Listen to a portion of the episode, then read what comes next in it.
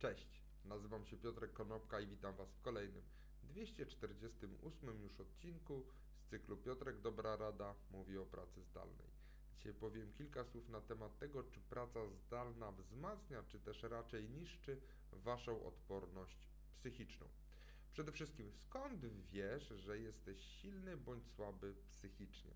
Ta siła bądź odporność psychiczna jest to bowiem zdolność Twojego umysłu do działania jako Twój przyjaciel, a nie jako wróg. Najpierw w ogóle spójrzmy na garść teorii.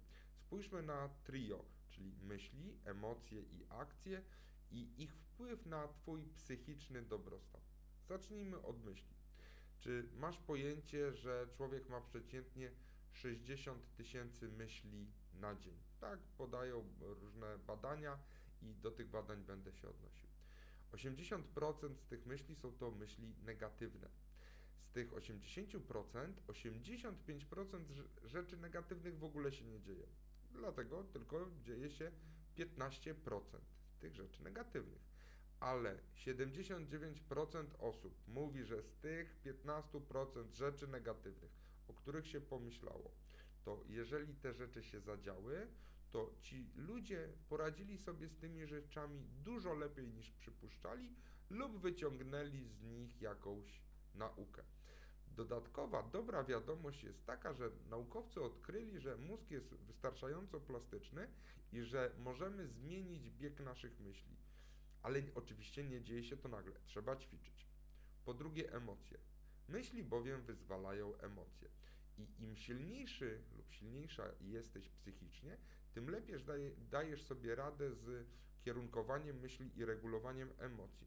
Jeżeli nazywasz emocje, to to pozwala na okiełznanie tych emocji. Im lepiej je nazywasz, tym lepiej umiesz zmienić je z negatywnych, na przykład złość czy rozczarowanie, na pozytywne, na przykład na radość czy inspiracja. I trzeci element z tego trio to działania. Myśli wyzwalają emocje, emocje wyzwalają działania. Czyli im lepiej zmieniasz bieg myśli, tym lepiej regulujesz emocje i tym lepiej wpływasz na swoje działania. I teraz, jak to ma się wszystko do pracy zdalnej?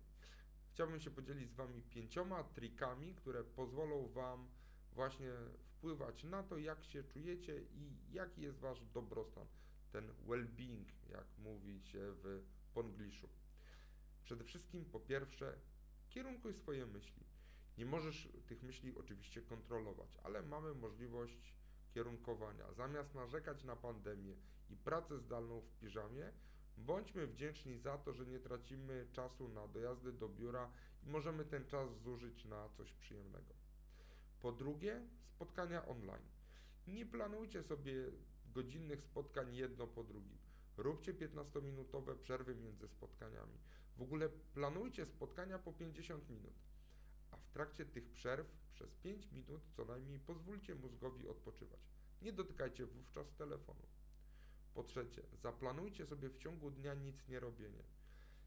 Po prostu zaplanujcie w ciągu dnia jedno okienko, które będzie trwało 60 minut i to okienko ma być związane z nic nie robieniem. Nawet jeżeli to ma być patrzenie w okno albo spacer bez celu.